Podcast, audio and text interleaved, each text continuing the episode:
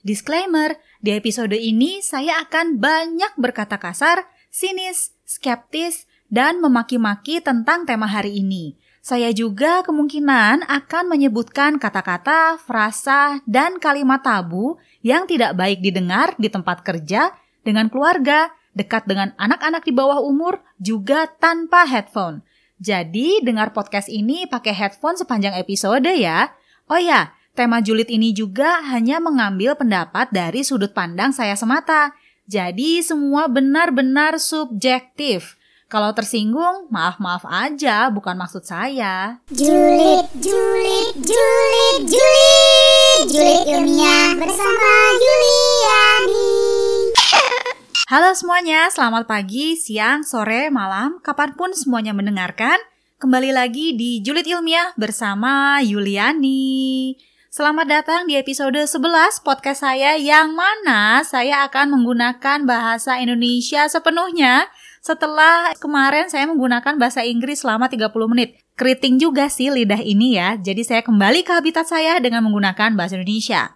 Nah, di episode ini saya akan mengkaji, menyinyiri, menjuliti, menghakimi, dan membuka mata batin serta hati kamu, terutama para kaum hawa tentang hal yang sedang panas di jagat internet. Saya juga dengar berita ini dari IG, story-nya, feed, DM, juga dari Twitter, dan kanal-kanal berita lain tentang predator seks di aplikasi kencan online yang katanya udah tanam benih ke banyak wanita. Ini bikin geleng-geleng sih. Bukan dari sisi predatornya itu aja, tapi juga dari sisi perempuannya. Kok bisa ya kena bujuk rayu predator yang kalau saya lihat fotonya juga saya nggak akan swipe kanan dia gitu. Tema hari ini nggak akan fokus ke predator seks di aplikasi kencan online yang lagi ngetren aja, tapi lebih ke semua predator seks di banyak platform online terutama medsos. Judul dari episode ini adalah Kau gadaikan kehormatanmu demi dia yang kau kenal secara online. Uh, kehormatan di sini lebih ke harga diri ya, baik pria maupun wanita. Walau pasti lebih sering wanita sih. Bukan saya berniat mengecilkan kaum wanita, justru saya ingin ngajak kalian, para kaum hawa, agar menjadi kaum yang melek. Saya juga kan wanita, jadi saya perhatian dengan kalian. Tapi memang cara perhatian saya adalah dengan memberikan komentar pedas serta sarkas. Sebelum mulai, seperti biasa, saya akan bacakan dulu poin-poin pembahasan episode ini. Yang pertama, Alasan saya memberikan judul episode 11 seperti ini. Yang kedua, cara mengenali predator seks di internet. Terus poin ketiga, siklus hubungan dari aplikasi kencan online mulai dari match sampai ghosting. Kenapa saya tahu? Karena saya juga bikin akun di aplikasi kencan online. Walaupun saya baru bikin di bulan Oktober tahun 2020, tapi saya sudah mengalami banyak hal yang dialami orang lain juga tanpa harus menggadaikan kehormatan saya. Awalnya saya bikin akun ini dengan tujuan satu observasi kaum pria yang ada di dunia online, penelitian ya.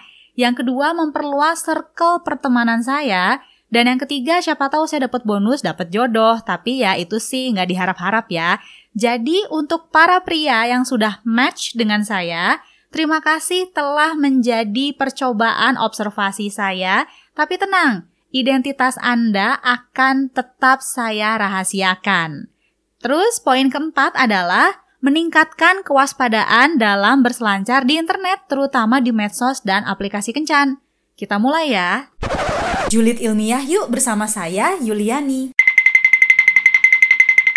Poin pertama kita di episode ini adalah alasan saya memberikan judul Kau Gadaikan Kehormatanmu Demi Dia Yang Kau Kenal Secara Online. Saya dengar banyak cerita dari mahasiswa, mahasiswi, teman, bahkan kenalan saya di dunia maya khususnya aplikasi kencan online yang jadi bucin atau budak cinta orang yang baru mereka temui di dunia maya. Pernah salah satu teman saya update IG story dia dengan tulisan semua orang akan bucin pada waktunya. Maaf ya kawan, aku jadikan pengalamanmu sebagai contoh. Tenang, ku tak akan membongkar identitas siapa pun di sini. Nah, teman saya ini ketemu dengan seseorang di aplikasi kencan online. Lalu biasalah ya tuker-tukeran kontak sampai akhirnya si orang ini ngajak temen saya ta'aruf dan udah ketemu dengan orang tua teman saya ini. Ya mungkin bagi sebagian orang ajakan serius apalagi ta'aruf bisa bikin kelepek-kelepek ya. Tapi bagi saya, seorang realis yang skeptis serta sinis, kalau ada yang ngajak serius, saya tidak akan menanggapinya dengan serius. Itu adalah salah satu contoh bucin karena seseorang yang ditemuinya di aplikasi kencan online. Terus, menggadaikan kehormatannya dari sisi apa? Kehormatan itu kan macam-macam, mulai dari harga diri sampai kesucian alias keperawanan atau keperjakaan. Menurut saya, kebucinan teman saya ini bisa dibilang mengurangi harga diri karena story-story yang udah dibuat dan dilihat ratusan bahkan mungkin ribuan followers taunya berakhir nihil. Oh ya, temen saya ini jadinya batal nikah sama si orang yang ngajak ta'aruf itu. Bayangin, udah update, terus tag orangnya di IG story sering banget, eh endingnya gagal. Kalau saya sih malu banget dah. Maaf ya kawan, aku itu sayang sama kamu, saking sayangnya aku nyinyir. Terus ada juga beberapa cerita yang saya dengar, banyak orang yang ketemu di aplikasi kencan online itu kalau udah pindah ke chat suka minta PAP atau pose picture yang memperlihatkan bagian-bagian pribadi gitu deh. Bahkan banyak yang ngajak VCS atau video call seks atau phone sex. Woi, kalian itu baru kenal. Kok mau-maunya sih buka-bukaan nunjukin bagian-bagian pribadi kamu ke orang yang belum jelas siapa? Coba sekarang gini ya, kamu jalan-jalan di rumah depan orang tua kamu sambil telanjang. Malu kan? Kok lu nggak malu gitu foto-foto bugil untuk orang yang baru sekali swipe doang? Jadi itulah alasan kenapa saya memilih judul ini. Harga diri beberapa orang di aplikasi kencan online sekarang malah lebih murah daripada gorengan yang harganya sekarang itu 2000 satunya. Julid ilmiah yuk bersama saya Yuliani. Oke, sekarang kita masuk ke poin kedua kita, cara mengenali predator seks di internet. Sebelum saya memaparkan cara mengetahui dan ciri predator seks di internet, terutama aplikasi kencan online, saya ingin cerita tentang kasus predator seksual yang akhirnya muncul ke publik. Garis bawahi muncul ke publik. Artinya, masih banyak predator di luaran sana yang dengan leluasa melakukan aksinya karena mungkin korban takut untuk melaporkan. Pertama, predator seksual inisial AS. AS ini udah menjalankan aksinya dari tahun 2014. Dia cari korbannya di aplikasi Tinder, Bumble, dan Coffee Meets Bagel. Dia ngaku-ngaku S3 di Swiss. Mungkin untuk narik perhatian korbannya bahwa dia itu orang pintar. Kan zaman sekarang itu ciwi-ciwi dan cowok-cowok itu senengnya orang-orang yang pintar-pintar ya. Sapioseksual ala-ala gitu deh. Nah, korbannya bahkan ada yang usia remaja. Jadi cara dia melakukan kekerasan seksual ke korbannya itu dengan minta foto bugil korban, morotin duit korban, dan tentu ngajak 4646. Kalau ada yang nggak tahu 4646 itu apa, itu seharusnya mantap-mantap ya di balik tulisannya 4646. Awalnya banyak korban yang gak berani melaporkan dia karena mereka merasa mereka yang salah karena si AS ini pinter banget memutar balikan fakta. Kasus dia muncul ke publik setelah beberapa orang yang mengaku jadi korban AS melapor ke No Recruit List, sebuah formulir yang bisa diisi oleh korban kekerasan untuk mengadukan pelaku. NRL ini mewadahi kekerasan tanpa cedera seperti kalimat-kalimat seksis, kekerasan verbal, dan pemaksaan untuk foto bugil tadi.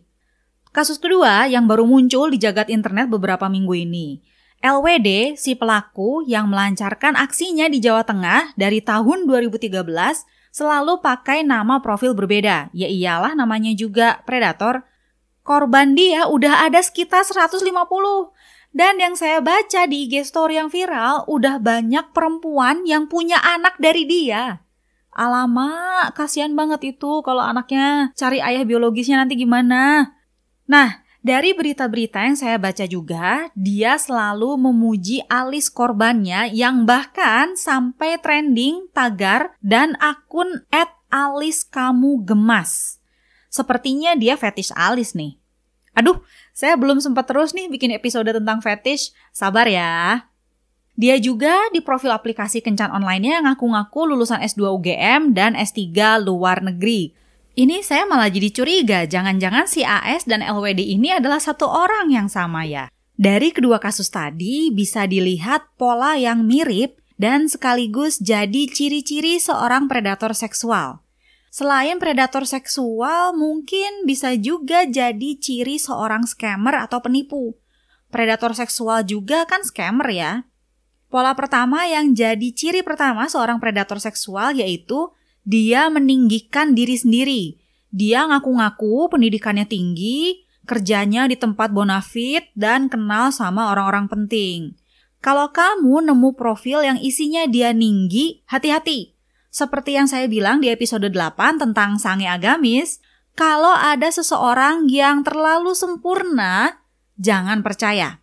Terus sekarang kamu juga harus teliti. Perhatikan kesesuaian foto profil dan isi informasi yang dia tulis di profilnya dia.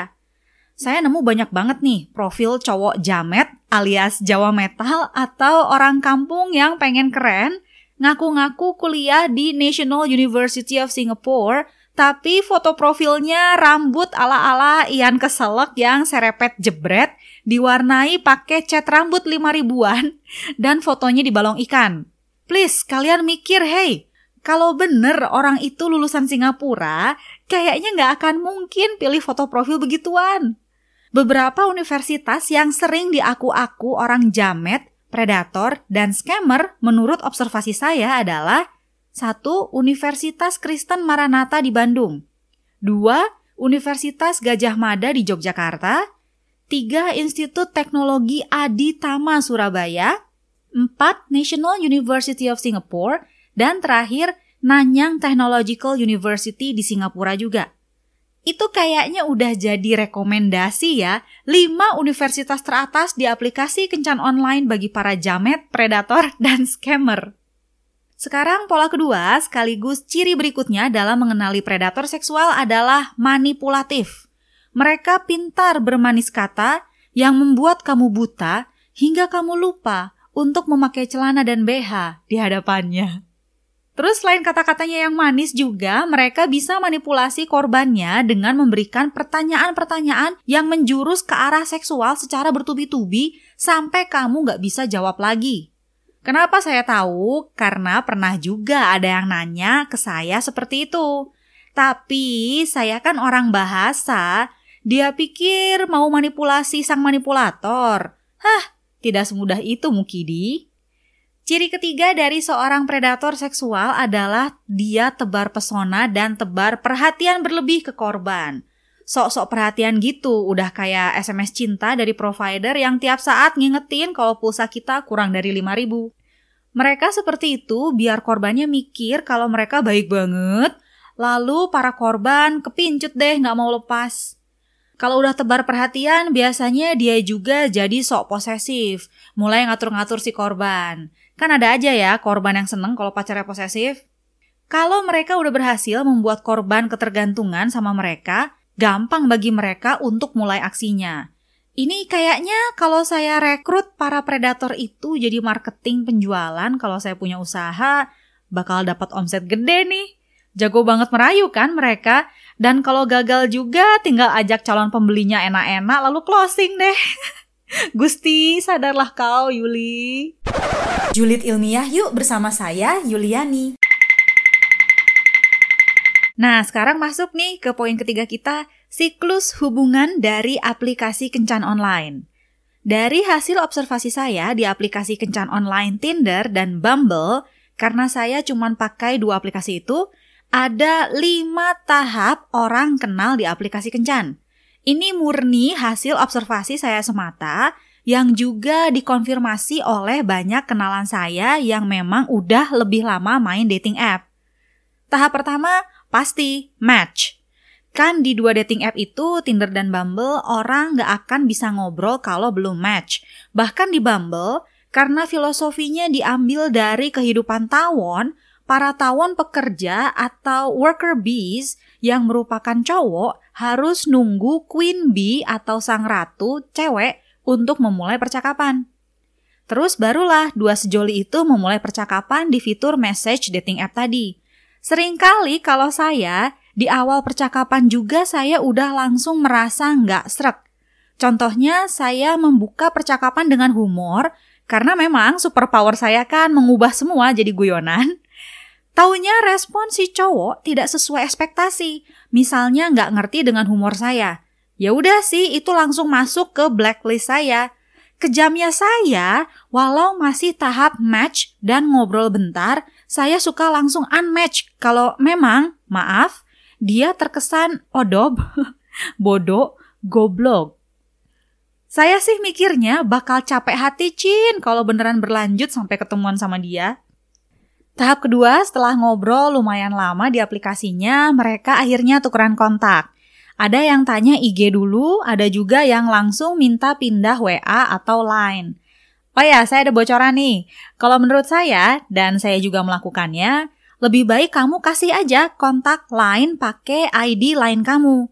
Kalau orang add ID lain kamu, mereka nggak akan dapet nomor HP kamu yang kamu pakai untuk WA atau Telegram.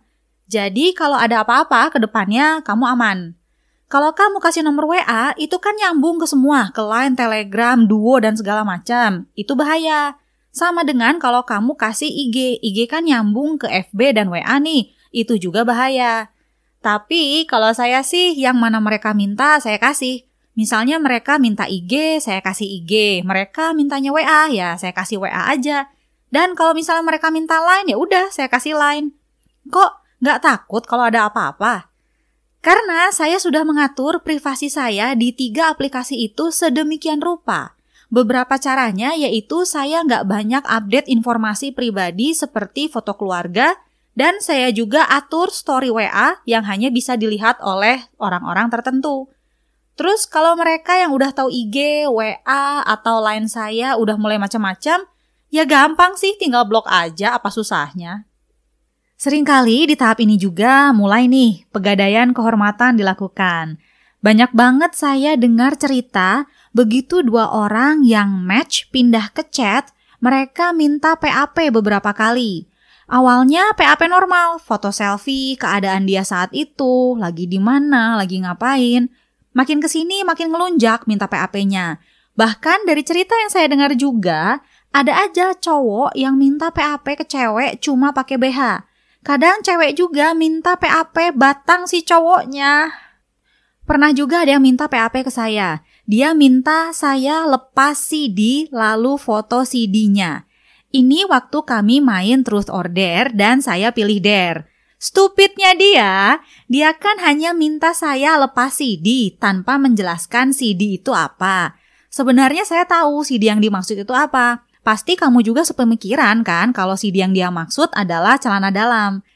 Karena saya orang bahasa yang punya superpower mengubah semua menjadi guyonan, akhirnya saya rekam video saya ambil satu kotak DVD film. Saya buka kotak DVD itu, lalu saya lepas CD-nya dari tempatnya. Pas saya kirim video itu ke dia, dia bilang bukan CD itu. Ya saya jawab, makanya lu kalau kasih instruksi yang jelas BGSD, jangan ambigu. kalau kamu udah menggadaikan kehormatan kamu dengan ngikutin keinginan match kamu, apa hidup kamu tenang? Kamu nggak takut gitu foto kamu disebarkan sama dia? Pakailah prinsip forever seuzon saya dan bayangkan kamu di posisi dia. Kalau kamu dapat foto-foto dia yang aneh juga, kamu akan liatin foto itu ke teman-teman kamu kan? Saya juga gitu. Selain PAP, biasanya di tahap ini juga orang mulai menggadaikan harga dirinya dengan mulai phone sex atau video call sex. Sebenarnya dengan kedua pihak setuju untuk melakukan phone sex atau video call sex itu kan mereka udah tahu risikonya secara nggak langsung si cowok dan cewek sudah ada konsensus atau kesepakatan tidak tersurat bahwa mereka mau melakukan PS dan VCS tadi. Dengan salah satu pihak menjawab oke pun artinya mereka berdua udah sama-sama mau. Jadi kalau ada masalah ke depannya, ya jangan saling menyalahkan atau merasa jadi korban dong. Lu dengan setuju juga udah menurunkan harga diri lu. Terus lu merasa rugi kalau ternyata video lu disebarin. Makanya forever seuzon lah. Orang kan suka gatel kalau lihat sesuatu yang aneh, lalu ingin mengabadikan dan menyebarkan. Siapa tahu aja bagian-bagian vital lu aneh di mata temen VCS lu. Ya siap-siap aja disebarin jadi bahan bully. Tahap ketiga adalah ketemuan empat mata. Tahap ini nggak semua dilalui oleh orang di aplikasi kencan. Bisa jadi karena jarak, atau emang mereka itu hanya menjadikan dating app sebagai wadah alter ego mereka. Alter ego adalah kondisi seseorang yang membentuk karakter lain dalam dirinya secara disadari yang sering kali menjadi gambaran ideal tentang dirinya yang tidak bisa direalisasikan. Bisa jadi karena nilai-nilai di lingkungannya. Bagi mereka yang menjadikan dating app sebagai tempat alter ego mereka, mereka biasanya nggak mau untuk ketemuan langsung karena mereka takut identitas asli mereka diketahui. Tapi kalau dengan saya, mereka harus hati-hati karena kemampuan investigasi saya yang hanya dari satu alamat email pun, saya bisa tahu nama lengkap nomor HP, dan alamat rumah dia. Biasanya mereka yang sampai ke tahap ini udah merasa nyaman komunikasi di media online. Bagi kasus pegadaian kehormatan, mereka seperti udah ada keinginan untuk bertemu dan melakukan sesuatu yang lebih dari sekedar PAP, PS, atau VCS. Intinya mereka ingin bertemu secara fisik untuk menyatukan fisik mereka di suatu tempat konkret. Tapi bagi yang bukan anggota pegadaian kehormatan, biasanya mereka ingin bertemu karena ingin ngobrol dengan lebih jauh aja untuk mengenal satu sama lain setelah merasa komunikasi di dunia maya itu cukup seru. Kadang dari obrolan itu bisa menentukan apakah hubungan mereka akan berlanjut ke tahap lebih jauh seperti pacaran atau hanya menjadi teman. Kebetulan kalau saya Cukup ngobrol satu atau dua jam juga udah bisa bikin asumsi orang itu seperti apa. Dan apakah ada prospek untuk saya dan dia di masa depan. Asumsi yang saya buat biasanya 60% benar sih. Karena saya menilai orang dari cara ngomong, topik obrolan, dan gerakan-gerakan nonverbal yang dia buat saat ngobrol dengan saya. Ditambah lagi kemampuan investigasi saya tadi saya bisa dapat banyak informasi tentang seseorang di Google hanya dari nama lengkap atau alamat email. Itu baru di surface web loh ya. Kebayangkan kalau saya mendalami deep web dan dark web. Tahap keempat yaitu kenal luar dalam alias berhubungan intim. Tahap ini biasanya hanya dilalui oleh mereka yang memang udah gatel untuk enak-enak atau merasa kesepian dan ngentiau adalah jalan ninjanya. Bagi yang memang niatnya lurus cari teman atau relasi, mereka sering kali nggak masuk ke tahap ini dan langsung skip ke tahap berikutnya. Cuma memang sih yang namanya dating app, kayaknya banyak orang pasti nyari pasangan untuk ngentiau. Tapi dalam kasus predator seksual itu, mungkin mereka yang alat reproduksinya udah gatel banget, ingin mencari seseorang yang worth it untuk diajak 4646. Makanya mungkin mereka langsung kena tipu daya predator seks yang ngaku-ngaku pintar dan orang penting. Gini ya, kata saya sih, kalau lu cuma mau enak-enak, ngapain harus cari yang berkualitas dari sisi pendidikan atau kerjaan? Kan sama aja, mau berkualitas pendidikan atau kerjaannya, kalau ahamnya nggak berkualitas kan lu juga nggak akan puas. Saya sambungin lagi ke laporan-laporan korban predator seksual itu yang bilang mereka menjadi korban kekerasan seksual. Bukannya saya mau memojokkan korban, tapi dengan mereka masih bersedia untuk ketemu tatap muka dengan predator ini, walaupun menurut mereka si predator udah sering melecehkan mereka lewat media online itu udah jadi tanda tanya besar. Kenapa masih mau ketemu? Udah gitu dari sumber berita lain yang saya baca juga, kejadian kekerasan seksual itu terjadi di kosan predator. Lagi, kenapa mau dibawa ke kosannya? Gini ya, sesuatu itu harus mutual.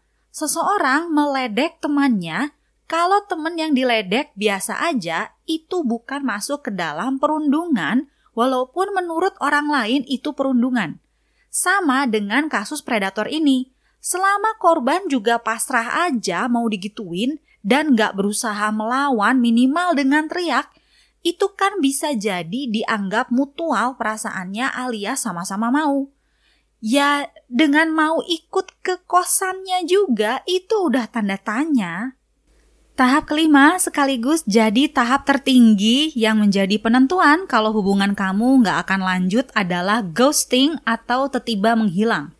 Tahap ini bisa dilakukan oleh satu pihak atau dua-duanya. Ada beberapa alasan kenapa orang dari aplikasi kencan online bisa tiba-tiba menghilang. Alasan pertama, mereka nemu yang lebih baik atau mungkin nemu yang lebih mudah dibujuk untuk 4646. Ayolah, yang logis saja. Cara kerja dating app itu kan main swipe kanan kiri. Pastinya orang-orang di dating app bisa swipe kanan beberapa lawan jenis dalam waktu bersamaan. Bahkan sering banget mereka chat atau teleponan juga ketemuan dengan beberapa orang dalam waktu dekat atau waktu bersamaan. Jadi, kalau udah tukeran kontak, ketemuan, lalu dia tiba-tiba ngilang, udahlah, diamin aja. Intinya kamu bukan pilihan terbaik dia. Kamu juga kalau di posisi dia akan gitu kan? Jujur aja deh. Tapi yang bikin rugi yaitu kalau kamu udah gadaikan kehormatan kamu ke dia dan mungkin udah habis uang diporotin, kamu merasa dirugikan. Lalu ada juga beberapa orang yang bilang, aku jadi korban. Pret, korban dari mana? Kenapa waktu menggadaikan harga diri lu gak merasa rugi? Alasan lain, orang ngilang secara tiba-tiba bisa jadi karena jiper atau minder begitu ketemu dan tahu matchnya dia ternyata levelnya ketinggian dari dia. Mungkin dia merasa susah untuk menyamakan level dia dengan matchnya dia. Orang yang tiba-tiba ngilang juga bisa disebabkan karena takut bahwa identitas aslinya udah terbongkar. Ini contohnya pengalaman pribadi nih. Saya kenal dengan seseorang yang sok-sok misterius, nggak mau ngaku siapa dia. Ngakunya hanya petani, tapi dari topik obrolan dia di telepon, kok dia terdengar kayak orang berpendidikan dan berprofesi yang sama dengan saya. Pas suatu hari, dia minta buku-buku pembelajaran bahasa Inggris ke saya. Saya sharekan ke Google Drive karena ukuran filenya gede banget. Saya lalu minta email dia dan dia kasih alamat email lama yang masih pakai domain yahoo.com. Dari alamat itu saya cari di Google dan saya nemu nama asli dia, tempat tanggal lahir, alamat, nomor telepon, akun IG, akun YouTube, sampai judul skripsi dan tesis dia. Kenapa sih saya kepo banget nyari informasi tentang dia sejauh itu? Karena saya nggak mau kena tipu daya dia yang menggunakan akun dating app sebagai akun alter ego dia. Setelah saya tahu aslinya dia, waktu dia nelpon lagi, saya agak menjuruskan pertanyaan ke profesi dan pendidikan dia. Dia akhirnya ngaku kalau dia emang kuliah S2 dan sekarang kerja sebagai dosen. Tapi dia masih belum mau ngaku nama asli dia. Eh, beberapa saat kemudian dia udah aja hilang, nggak pernah ngehubungin saya lagi. Ya udah sih, nggak rugi juga, toh saya tidak menggadaikan kehormatan saya ini. Cuma yang saya khawatirkan, nasib cewek-cewek lain yang match dengan dia, lalu mereka tidak skeptis dan kritis seperti saya, terus kena rayuannya. Boom, rugi waktu, lahir, dan batin. Makanya, rugi banget mereka yang udah gadai kehormatan mereka ke orang yang mereka kenal di dating app, lalu orang itu hilang. Memang penyesalan selalu ada di akhir, yang ada di awal itu namanya pendaftaran. Kelima tahap dalam siklus hubungan di aplikasi kencan online tadi hanya saya rangkum berdasarkan observasi saya, pengalaman saya, yang juga didukung pembenaran beberapa orang. Dan tidak semua tahap dilalui oleh setiap orang di dating app. Misalnya saya match dengan seseorang, tanpa berlanjut ke WA, IG, atau Line, dia ngajak ketemuan. Eh, belum sempat ketemuan di dating app pun dia udah ngilang. Ada juga kasus kayak petani abal-abal tadi yang hanya tukeran line, teleponan di line, lalu ngilang tanpa sempat kopdar dulu. Intinya, selama kamu belum menggadaikan kehormatan kamu, mau dia ngilang atau kamu yang ngilang, gak ada yang dirugikan deh. Paling waktu doang. Tapi ya udahlah, kamu juga sering Netflix and chill kan, itu kan juga membuang waktu ya. Julid ilmiah yuk bersama saya Yuliani. Nah, akhirnya kita masuk ke poin terakhir kita, poin keempat, meningkatkan kewaspadaan dalam berselancar di internet, terutama medsos dan aplikasi kencan. Di zaman yang serba digital ini, ada baiknya kita semua meningkatkan kewaspadaan kita saat aktif di internet. Bukan untuk keamanan data, itu bukan ranah saya. Itu ranahnya Kemkominfo untuk kasih trik supaya data kamu aman. Maksud saya di sini adalah privasi dan data kita yang bisa dengan mudah diakses predator seksual dan scammer. Kalau data-data yang bisa diakses oleh hacker dan oknum lain yang lebih tinggi, saya sih pasrah aja dan bersyukur kalau saya bukan orang terkenal atau anak sultan. Jadi kalau ada yang mau ambil uang saya di rekening tabungan, kemungkinan dia malah kasihan lihat saldo saya yang jumlahnya kayak nomor pesan antar resto I'm loving it itu. Kalau scammer dan predator seksual sih levelnya masih level bawah banget lah ya, alias masih bodoh untuk cari-cari data kita.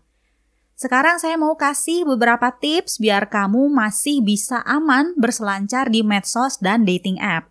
Pertama, di dating app, jangan sinkronisasi semua data kamu alias jangan sambungin semua platform digital kamu ke dating app seperti akun IG, nomor WA, Spotify, dan lain-lain.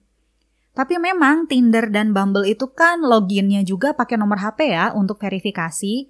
Kalau itu sih nggak apa-apa. Toh data kamu kan tidak disebarkan oleh dua platform kencan online itu. Yang jadi masalah adalah kalau kamu masukin nomor HP kamu di profil kamu. Selain dating app, Informasi seperti akun medsos lain kamu jangan ditulis di IG atau medsos yang kira-kira mudah diakses predator atau scammer itu. Misalnya di IG, kamu nggak perlu masukin nomor WA di profil kamu. Atau link ke Facebook, LinkedIn, YouTube, dan lain-lain. Kalau saya karena keperluan profesional, ya mau nggak mau dicantumkan sih kecuali nomor WA. Terus biar saya aman dari scammer atau predator gimana? Ya udah pasti dari awal di aplikasi kencan online juga kalau ada yang profil yang mencurigakan saya udah nggak akan swipe dia sih. Terus kalau di IG ada yang follow orang asing yang nggak ada mutualnya, saya lihat profil dia. Kalau profil dia nggak dikunci tapi postingannya cuma dikit, bahkan nggak ada postingan satupun, itu patut dicurigai.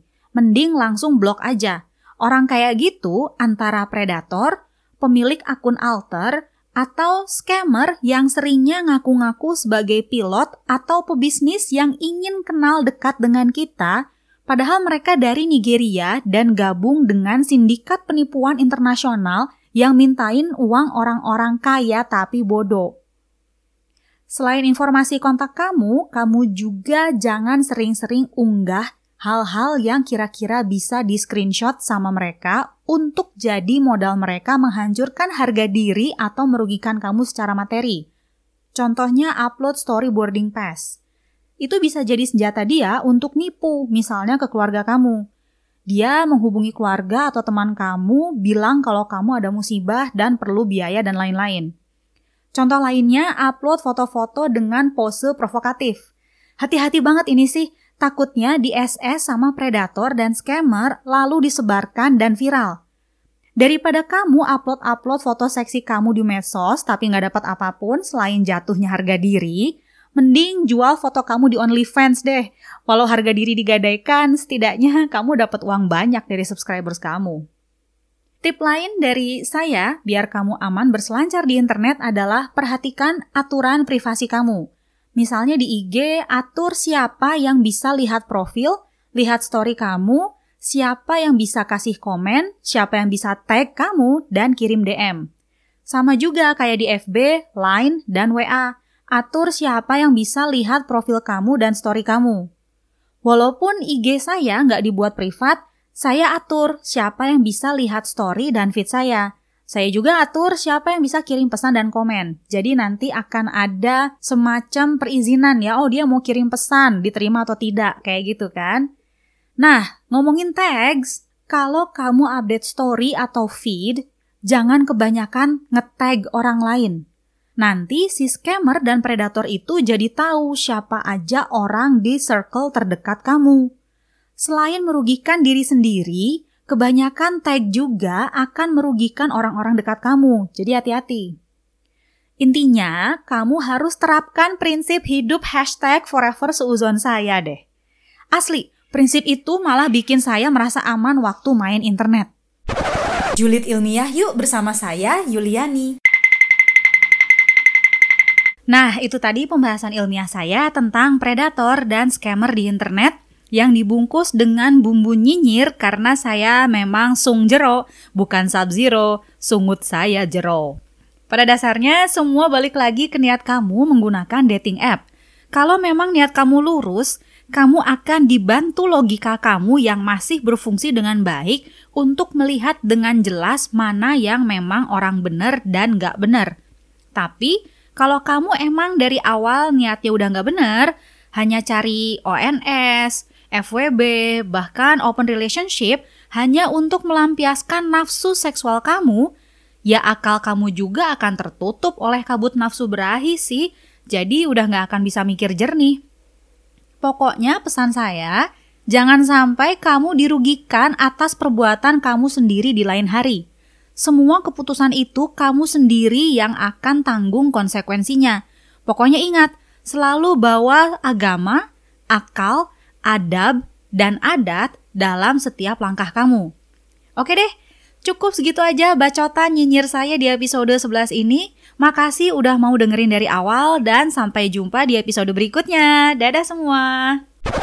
Julid ilmiah yuk bersama saya, Yuliani.